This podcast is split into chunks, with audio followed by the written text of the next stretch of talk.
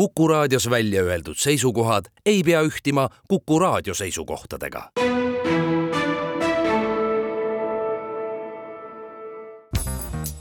järjejutt. Fjodor Dostojevski, Ülestähendusi põranda alt, tõlkinud Andres Ehin ja Lembe Hiedel Postimehe kirjastuselt. järjejutt. ma olen haige inimene. ma olen tige inimene. ebameeldiv inimene olen ma. ma arvan, et mul valutab maks. oma haigusest ei tea ma muide midagi ja mul pole õieti õrna aimugi, mis mul valutab. ma ei ravi end ega ole kunagi ravinud, kuigi ma arstiteadusest ja doktoritest lugu pean. peale selle olen ma veel äärmiselt ebausklik no vähemalt sedavõrd, et arstiteadusest lugu pidada. olen selleks küllalt haritud, et mitte ebausklik olla ja ometi olen ma ebausklik. aga ei, puhtast tigedusest ei taha ma end ravida lasta. Teile pole see võib-olla üldse mõistetav. no aga mulle on muidugi ei oska ma teile seletada, kellele ma seekord tahan oma tigedusega tuska teha. ma tean ju väga hästi, et ega ma sellega doktorite meelt hapuks tee, kui ma nende juures ei käi. ma tean paremini kui keegi teine, et sellega teen ma ainuüksi iseendale kurja ja mitte kellelegi teisele. aga ikkagi, ma ei ravi ennast ja seda puhtast tigedusest maks valutab. No las ta siis valutab veel kõvemini. nii elan ma juba ammust aega, oma kakskümmend aastat. praegu olen neljakümnene. enne käisin ametis, nüüd enam ei käi. ma olin tige ametnik. ma olin jäme ja tundsin sellest lõbu altkäemaksu ma ei võtnud, niisiis tuli see vähemalt selle lõbuga tasa teha. Kehv teravmeelsus. aga ma ei tõmba seda maha. panin ta kirja, arvates, et on hästi tabav, aga praegu, kui ma ise näen, et sellest tuli ainult ilge praalimine, jätan ta meelega maha tõmbamata kui laua juurde, mille taga ma istusin, tulid mingid tunnistuste mangujad, kiristasin ma nende peale hambaid ja tundsin ohjeldamatut naudingut, kui mul õnnestus kellelegi meelehärmi valmistada. õnnestus peaaegu alati. enamalt eolt oli see pelglik rahvas, abipalujad. arusaadav. kuid oli ka ässasid ja nende hulgast ei kannatanud ma eriti üht ohvitseri ta ei tahtnud kuidagi alla jääda ja täristas vastikult oma mõõka. Selle mõõga pärast käis mul temaga poolteist aastat sõda. viimaks jäin mina peale. ta lakkas täristamast. see juhtus muide minu nooruses. aga kas teate, härrased, mis on peamine minu tigeduses? see see asi on see ongi see kõige suurem jõledus, et ma kogu aeg, ka kõige suurema sapisuse hetkel pidin endale häbiga tunnistama, et ma pole üldse tige inimene, et ma pole isegi tigestunud, et ma hirmutan asja ees teist taga ainult varblasi ja lepin sellega. suu on mul vahus, aga tooge mulle mõni nukuke andke suhkur ja tee ette ja ma jään kohe rahule. Härdun kogunisti, kuigi ma vist hiljem iseenda peale hambaid kiristan ja häbi pärast mitu kuud unetuse all kannatan. see on juba minu moodi. seda ma ennist valetasin enda kohta, et olin tige ametnik. valetasin tigeduse pärast ma lõbutsesin niisama nende abipalujatega ja selle ohvitseriga, aga sisimas ei suutnud ma kunagi tigedaks saada. kogu aeg tajusin ma endas tohutut hulka sellele risti vastukäivaid algeid. tundsin, et nad lausa kihavad minus, need vastakad alged, teadsin, et eluaeg on nad minus kihanud ja minu seest välja kippunud, kuid mina ei ole lasknud, ei ole. meelega ei ole ma neid välja lasknud. Nad piinasid mind nii, et ma punastasin häbist. Nad panid mind kramplema ja tüütasid mu viimaks ära. koledal kombel tüütasid kas teile, härrased, ei tundu, et ma teie ees nüüd juba nagu midagi kahetsen, et ma teilt midagi nagu andeks palun? ma olen kindel, et just nii see teile tundub. aga mul on muide ükskõik. ma kinnitan teile, tundugu pealegi. Mitte ainult tigedaks ma pole suutnud üldse millekski saada, ei heaks ega kurjaks, ei lurjuseks ega aumeheks, ei kangelaseks ega putukaks.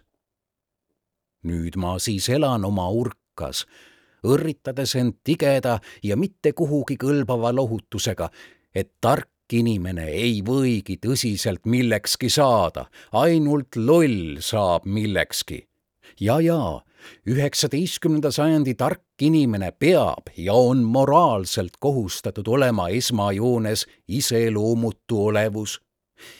iseloomuga inimene, asjamees, on aga esmajoones piiratud olevus. see on minu neljakümne eluaastaga omandatud veendumus. Ma olen nüüd neljakümneaastane, aga nelikümmend aastat see on ju terve elu. see on ju ülim vanadus. üle neljakümne aasta elada on sündsusetu, labane, ebamoraalne. kes elab üle neljakümne? vastake ausalt ja avameelselt. ma ütlen teile, kes. lollid ja lurjused elavad. Ma ütlen seda kõigile vanadele otse näkku kõigile neile auväärsetele vanadele, kõigile neile hõbehiukselistele ja hoolitsetud vanakestele. ütlen kogu maailmale näkku. mul on õigus seda öelda, sest ma elan ise kuuekümneaastaseks. seitsmekümneaastaseks elan ma, kaheksakümneaastaseks elan ma. Oot-oot las ma tõmban hinge. Te vist mõtlete, härrased, et ma tahan teid naerma ajada. eksite ka seekord. ma pole üldse nii huumorimeelne inimene, nagu teile näib või nagu teile võib näida. muide, kui te nüüd kõigest sellest lobast ärritatuna, ma tunnen juba, et see ärritab teid kavatsete mult küsida, kes ma siis õieti olen, siis ma vastan teile. üks kolleegiumi assessor. tööl käisin ma selleks, et oleks midagi süüa. ainuüksi selleks. ja kui üks mu kaugeid sugulasi jättis mulle testamendiga kuus tuhat rubla, läksin kohe erru ja tõmbusin oma urkasse selles urkas elasin ma ennegi nüüd aga tõmbusin täiesti sellesse. tuba on mul vilets ja armetu, linna servas. mu teenija on vanaeit, külast pärit, rumalusest tige ja peale selle ta haiseb. mulle räägitakse, et Peterburi kliima mõjub mulle pikapeale halvasti ning et minu napi varanduse juures on Peterburi elu liiga kallis. Ma tean seda tean paremini kui kõik need kogenud ja ülitargad nõuandjad ja peavangutajad. aga ma jään Peterburi. ma ei sõida Peterburist kuhugi. ei sõida sellepärast eh,, see on ju täitsa ükskõik, kas ma sõidan või ei sõida. aga muide, millest üks korralik inimene kõige suurema mõnuga räägib? Vastus iseendast. noh, eks räägin siis minagi iseendast. ma tahan teile nüüd nimelt selgitada, kas see meeldib teile, mu härrased, või ei, miks ma pole suutnud isegi putukaks saada. teatan teile pidulikult, et olen sada korda tahtnud putukaks saada. aga isegi see au pole mulle osaks saanud. Vannun teile, härrased, et liiga arenenud eneseteadvus on haigus, tõeline ja tõsine haigus inimese igapäevaseks tarviduseks oleks enam kui küll täitsa tavalisest inimteadvusest. see on pool või isegi veerand sellest portsjonist, mis on langenud meie õnnetu üheksateistkümnenda sajandi haritlase osaks kes pealegi elutseb veel oma kahekordseks õnnetuseks Peterburis, mis on kõige abstraktsem ja ebaorgaanilisem linn tervel maakeral linnu on orgaanilisi ja ebaorgaanilisi.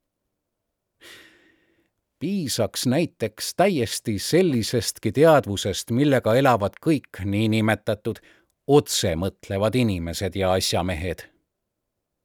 Vean kihla, et te mõtlete nüüd, et ma kirjutan seda kõike praalimishimust, et teravmeelitseda asjameeste üle ja et ma halvamaitselisest praalimisest täristan veel mõõkagi, nagu see mu ohvitser. aga härrased, kes hakkab siis omaenda haigustega edvistama või koguni praalima? muide, mis ma ajan? kõik teevad seda. Haigustega just edvistataksegi ja mina võib-olla rohkem kui teised. Pole mõtet vaielda minu vastuväide oli totter. kuid siiski olen ma kindlalt veendunud, et mitte ainult ülemäärane teadvus, vaid igasugune teadvus üldse on haigus. ja selle juurde ma jään. ent jätame selle hetkeks kõrvale. Öelge mulle parem üht asja.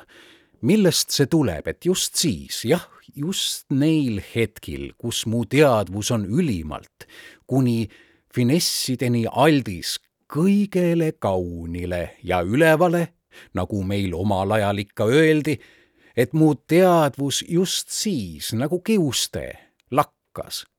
Ja ma tegin hoopis kõige näotumaid tegusid, selliseid, mida nojah, ühesõnaga, mida küll vist kõik teevad ent mida mina nagu kiuste tegin juhtumisi just siis, kui ma olin ülimalt teadlik, et neid ei tohiks kuidagi teha. mida teadlikumaks ma headusest ja kõigest sellest kaunist ja ülevast sain, seda sügavamale oma mudasse ma vajusin ja seda võimelisem ma olin sinna täiesti uppuma. Ent peamine oli see, et see kõik nagu ei olnud minu puhul juhuslik, vaid justkui pidigi nõnda olema. see oli justkui minu kõige normaalsem olek ja mitte midagi haiguslikku või rikutut, nii et ma viimaks enam ei katsunudki selle rikutusega võidelda. lugu lõppes sellega, et ma hakkasin juba peaaegu uskuma, aga võib-olla uskusingi, et küllap see on tõesti minu normaalne olek aga esiotsa, aga algul, kui piinarikas see võitlus mulle oli. ma ei uskunud, et teistegagi võib see nõnda olla ja seepärast varjasin ma seda eluaeg eneses nagu saladust. ma häbenesin seda. võib-olla, et häbenen praegugi ja jõudsin nii kaugele, et tundsin vahel pisukest ebanormaalset kõlvatut salanaudingutki jõuda mõnel jäledal Peterburi ööl oma urkasse ja saada sellest teravdatult teadlikuks, et näe, tänagi sain jälle jõledusega hakkama. et tehtut ei saa enam kuidagi olematuks teha ja siis järada iseennast selle eest salaja, närida ja pureda oma seesmust nii kaua, kuni mu kibedus muutub lõpuks neetult ja patuselt magusaks ning lõppude lõpuks tõeliseks ja selgeks naudinguks. jah, naudinguks, just naudinguks. selle juurde ma jäängi. ja selleks ma üldse hakkasin rääkima, et tahan täpselt teada, kas ka teistel on selliseid naudinguid? Las ma seletan teile. Antud nauding tekkis nimelt alanduse liiga selgest teadmusest, sellest, et sa tunned ennast juba isegi viimases ummikus olevat, tunned, et see on kole. aga et see ei saa kuidagi teisiti olla, et sul ei ole enam pääsu, et sa ei saa enam teistsuguseks inimeseks et kui sul olekski veel aega ja usku ennast millekski muuks ümber teha, siis arvatavasti enam sa ei tahakski seda teha. ja kui tahaksidki, ei teeks sa ikkagi midagi ära, sest tegelikult pole vististi olemaski midagi niisugust, milleks end teha. aga peaasi ja lõppude lõpp on see, et kõik see toimub teravdatud teadvuse normaalsete ja põhiliste seaduste kohaselt ja inertsi põhjal, mis otseselt nendest seadustest johtub. ja järelikult pole võimatu mitte ainult midagi ümber teha, vaid üleüldse midagi teha. teravdatud teadvuse tõttu saad sa näiteks teada, et jah, tõesti, sa oled lurjus justkui oleks see lurjusele mingi lohutus, kui ta ka ise tunnetab, et ta tõesti lurjus on. aga aitab sellest.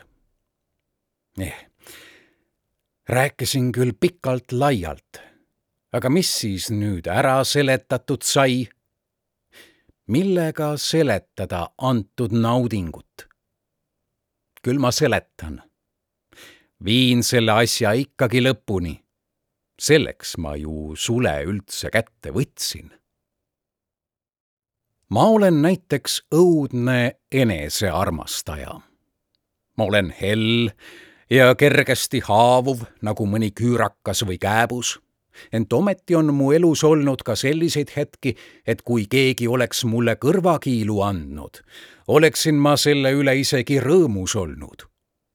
Ma räägin tõsiselt usutavasti oleksin ma sellestki osanud omamoodi naudingut leida. meeleheite naudingut muidugi. aga meeleheitest tulevadki kõige põletavamad naudingud. eriti siis, kui sa oled absoluutselt teadlik oma olukorra väljapääsmatusest. ja selle kõrvakiilu puhul muserdab sind just nimelt teadmus sellest, kuidas sind pihuks ja põrmuks tehti ükskõik, mis pidi seda asja ei arutaks, ikka tuleb välja peamine. alati olen esmajoones mina kõiges süüdi. ja mis kõige ülekohtusem, süüdi ilma süüta. nii-öelda loodusseaduste põhjal. süüdi esiteks sellepärast, et ma olen kõigist, kes mind ümbritsevad, targem. ma olen kogu aeg pidanud end targemaks kõigist, kes mind ümbritsevad. ja nii mõnigi kord seda koguni häbenenud, uskuge või mitte.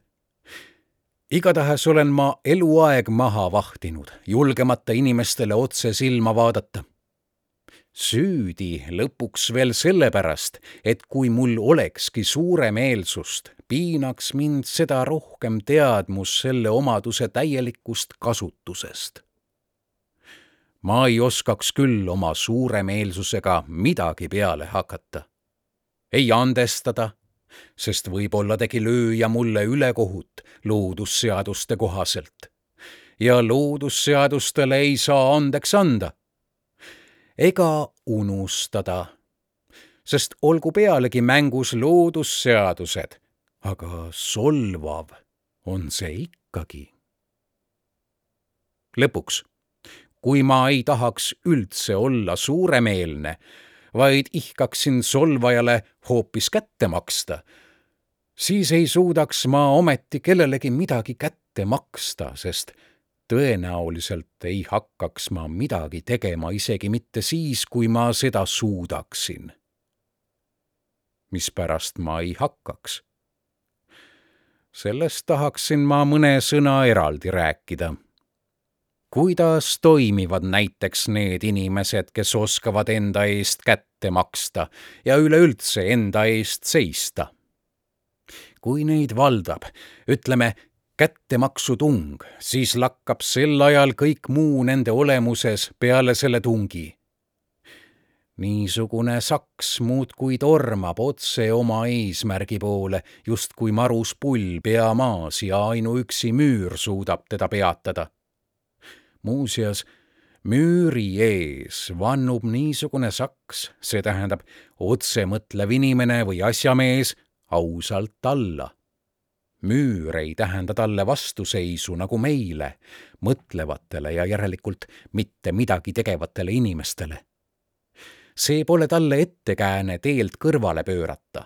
Ettekääne, mida meiesugune tavaliselt küll ise ei usu, aga millest ta alati suure rõõmuga kinni haarab.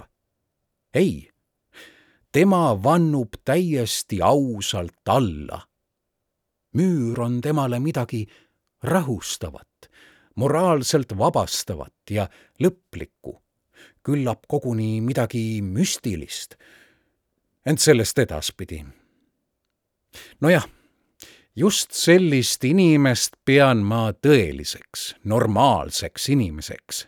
sellisena on tahtnud teda näha õrn emake loodus, kui ta tema armastusväärselt ilmale tõi ma kadestan niisugust inimest hullupööra ta on loll. ma ei vaidle vastu. aga kust te teate? võib-olla peabki normaalne inimene loll olema. Võib-olla on see isegi väga tore. ja seda enam olen ma veendunud oma nii-öelda oletuse õigsuses, et kui me võtame näiteks normaalse inimese antiteesi, see tähendab teravdatud teadvusega inimese, kes pole muidugi looduse rüppest tulnud, vaid retordist. see on juba peaaegu müstitsism, härrased, aga ma olen valmis sedagi oletama, siis peab see retordi inimene oma antiteesi ees vahel nii täielikult alla vanduma, et hakkab iseennast kõigi oma teravdatud teadvusega pidama hiireks, mitte inimeseks olgu teravdatud teadvusega hiir, aga ikkagi hiir. teine aga on inimene. ja järelikult ja nii edasi ja nii edasi. Ja peaasi, ta ise, tema ise peab end hiireks. keegi ei nõua talt seda. ja see on oluline punkt. vaadakem nüüd selle hiire käitumist oletame näiteks, et ka temale on liiga tehtud. talle tehaksegi peaaegu alati liiga. ja et ka tema tahab kätte maksta. Eks tigedust korju temasse ehk rohkemgi kui mõnesse l'homme de la nature et de la veriteesse.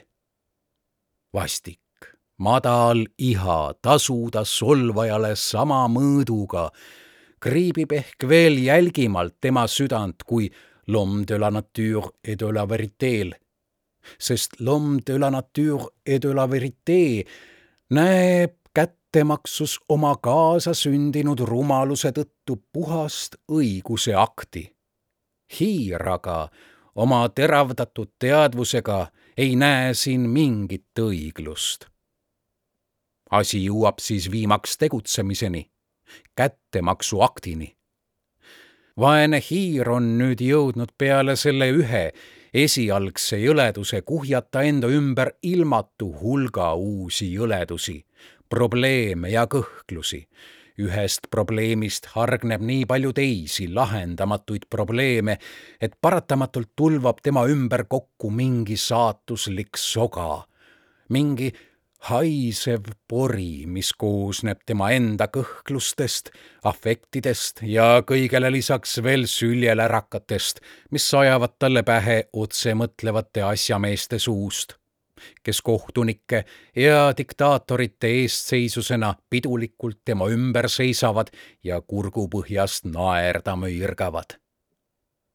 mõistagi ei jää hiirel muud üle, kui kõige peale käpaga lüüa ja põlastava muigega, mille ehtsusse ta isegi ei usu, häbistatult oma urgu lipsata. seal, oma ilges haisvas põranda aluses, süüvib meie solvatud, läbi pekstud ja välja naerdud hiir otsekohe külma, mürgisesse ja mis peaasi, eluaegsesse tigedusse. nelikümmend aastat ühte järge meenutab hiir viimse kui häbiväärse üksikasjani oma alandust ja lisab iga kord omalt poolt veel häbiväärsemaid üksikasju juurde, tigedalt õrritades ja ärritades iseennast omaenda fantaasiaga. Endal on tal oma fantaasia pärast häbi, ent ikkagi tuletab ta kõike uuesti meelde, võtab kõik uuesti läbi, luuletab olematuid asju kokku, ettekäändel, et ka see oleks võinud juhtuda, ega andes ta endale midagi küllap ta hakkab kättegi maksma. ent seda jupikaupa pisiasjades nurga tagant, incognito, uskumata ise oma kättemaksu õiglusse ja tagajärjekusse ning teades ette, et kõigi nende kättemaksukatsete pärast kannatab ta ise sada korda rohkem kui see teine, kellele ta kätte maksab. see aga vististi ei liiguta kõrvagi surisängis tuleb talle jälle kõik meelde koos aja jooksul kogunenud protsentidega. Ja aga vaat just see külm, jäle pool meeleheide ja pool uskumine, see teadlik iseenese murre matmine, kogu see neljakümneaastane põrandaalune elu see suure vaevaga loodud ja ometi mõnevõrra kaheldav väljapääsmatus, kogu see sisimasse sööbinud rahuldamata ihade mürk, see kõhkluste ning lõplikult tehtud ja hetke pärast kahetsetud otsuste palavik. kõik see kokku moodustabki selle kummalise naudingu essentsi, millest ma ennist rääkisin. see on niivõrd subtiilne, vahel niivõrd teadvusele kättesaamatu, et tsipake piiratud inimesed või isegi lihtsalt tugevate närvidega inimesed ei mõista sellest mõhkugi. ehk ei mõista seda needki, lisate teie omalt poolt irvitades, kes pole kunagi kõrvakiile saanud. ja teete sel moel viisaka vihje et võib-olla on mullegi elus kõrvakiile antud ja seepärast ma räägingi nagu asjatundja. vean kihla, et just seda te mõtlete. ent rahunege, härrased. ma pole kõrvakiile saanud, kuigi mul on täiesti ükspuha, mida te sellest arvate võib-olla ma hoopis kahetsen, et olen ise elu jooksul liiga vähe kõrvakiile jaganud. kuid aitab, mitte sõnagi enam sellest teile ääretult huvipakkuvast teemast. jätkan parem rahulikult juttu tugevate närvidega inimestest, kes ei mõista naudingute teatavat rafineeritust. Need härrased, kes mõnel muul juhul näiteks küll möirgavad kõigest kõrist nagu härjad, toogu see neile pealegi teab kui suurt au, muutuvad aga, nagu ma juba ütlesin, võimatuse ees otsekohe taltsaks. võimatus. eks ole see kivimüür. mis kivimüür? noh, teadagi loodusseadused loodusteaduste järeldused, matemaatika. kui sulle näiteks on kord juba ära tõestatud, et sa oled ahvist arenenud, siis ära kirtsuta nina, vaid võta asja nii, nagu see on kui sulle on kord juba ära tõestatud, et üks kübeke sinu isiklikku rasva peab sulle tegelikult kallim olema kui sada tuhat sinutaolist olevust ja et selle tulemusena leiavad ühel hoobil lahenduse kõik niinimetatud voorused ja kohustused ja muud sonimised ja eelarvamused, siis võtagi seda nõnda. Pole midagi parata, sest kaks korda kaks on matemaatika ja katsuge vastu vaielda. halastage, kisendatakse sulle. Ei saa ometi vastu hakata, sest kaks korda kaks on ju neli.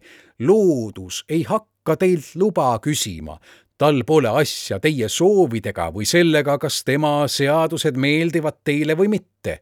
Teie kohus on teda võtta nii, nagu ta on ja järelikult ka kõiki tema resultaate. müür ongi seega müür ja nii edasi ja nii edasi. issand jumal mis puutuvad minusse loodusseadused ja aritmeetika, kui need seadused ja kaks korda kaks on neli mulle millegipärast ei meeldi. arusaadavalt ei hakka ma oma pead vastu müüri puruks peksma, kui mul tõesti pole jõudu seda müüri purustada. aga ma ei lepi temaga veel lihtsalt sellepärast, et ta on kivimüür ja mul pole küllalt jõudu just nagu oleks see kivimüür tõepoolest rahustav asi ja kätkeks tõepoolest teab, millist rahusõnumit üksnes sellepärast, et kaks korda kaks on neli. oh seda totruste totrust. iseasi on kõike mõista, kõigest teadlik olla, kõigist neist võimatustest ja kivimüüridest ja ometi mitte leppida ühegi võimatuse ega kivimüüriga, kui leppimine sulle jäle on. jõuda täiesti paratamatute loogiliste kombinatsioonide teel täiesti vastikute järeldusteni ikka sel samal teemal, et kivimüürigi puhul oled justkui sina ise süüdi, kuigi teiselt poolt on jälle ilmselge, et pole sa milleski süüdi ja kõige selle pärast tummas jõuetuses hambaid kiristades iharalt inertsusse tarduda, mõlgutades selle üle, et õigupoolest pole sul kellegi peale tigegi olla. objekti ei leia ja võib-olla ei leita seda kunagi, et see kõik on pettus, sohi tegemine, valemäng. et see kõik on lihtsalt üks soga. ei tea, mille või kelle pärast ent vaatamata kõigele sellele teadmatusele ja valemängule on sul ikkagi valus. ja mida rohkem sulle on teadmata, seda valusam on. nii te hakkate veel lõpuks hambavalustki naudingut otsima, hüüate teie naerulagina saatel. aga miks mitte? Ka hambavalus on oma nauding, vastan mina.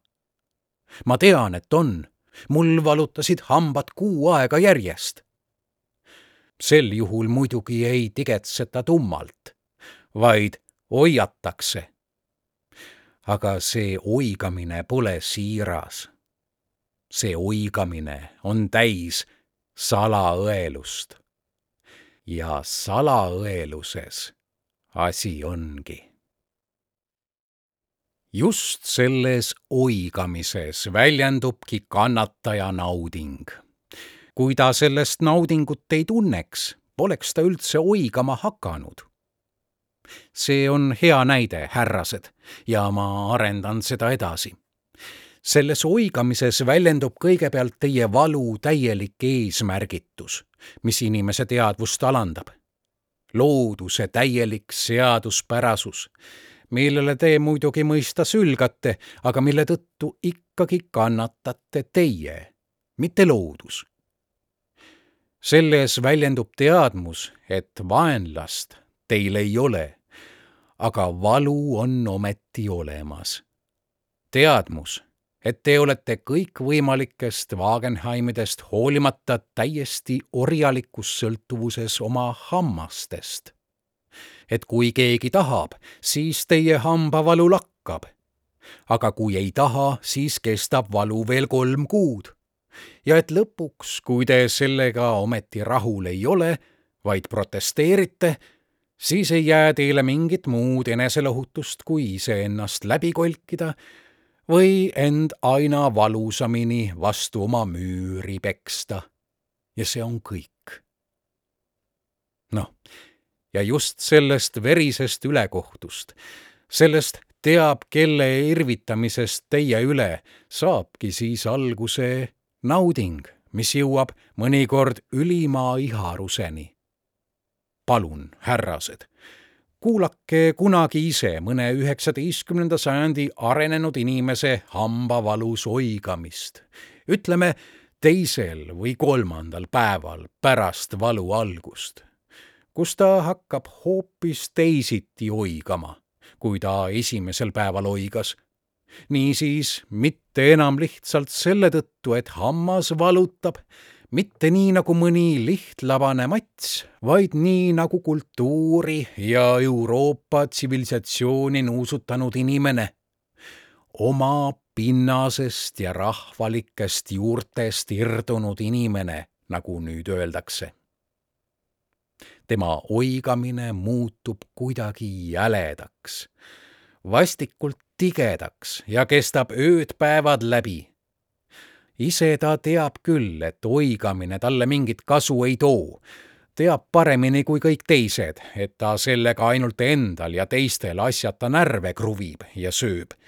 teab sedagi, et publik, kelle pärast ta ponnistab ja kogu perekond kuulavad teda juba jälestusega, nad ei usu teda krossi eestki ja teavad sisimas, et ta võiks teisiti, lihtsamalt hoiata, ilma rulaadideta ja ilma veiderdamiseta, aga et ta vigurdab nõnda puhtast tigedusest ja salaõelusest.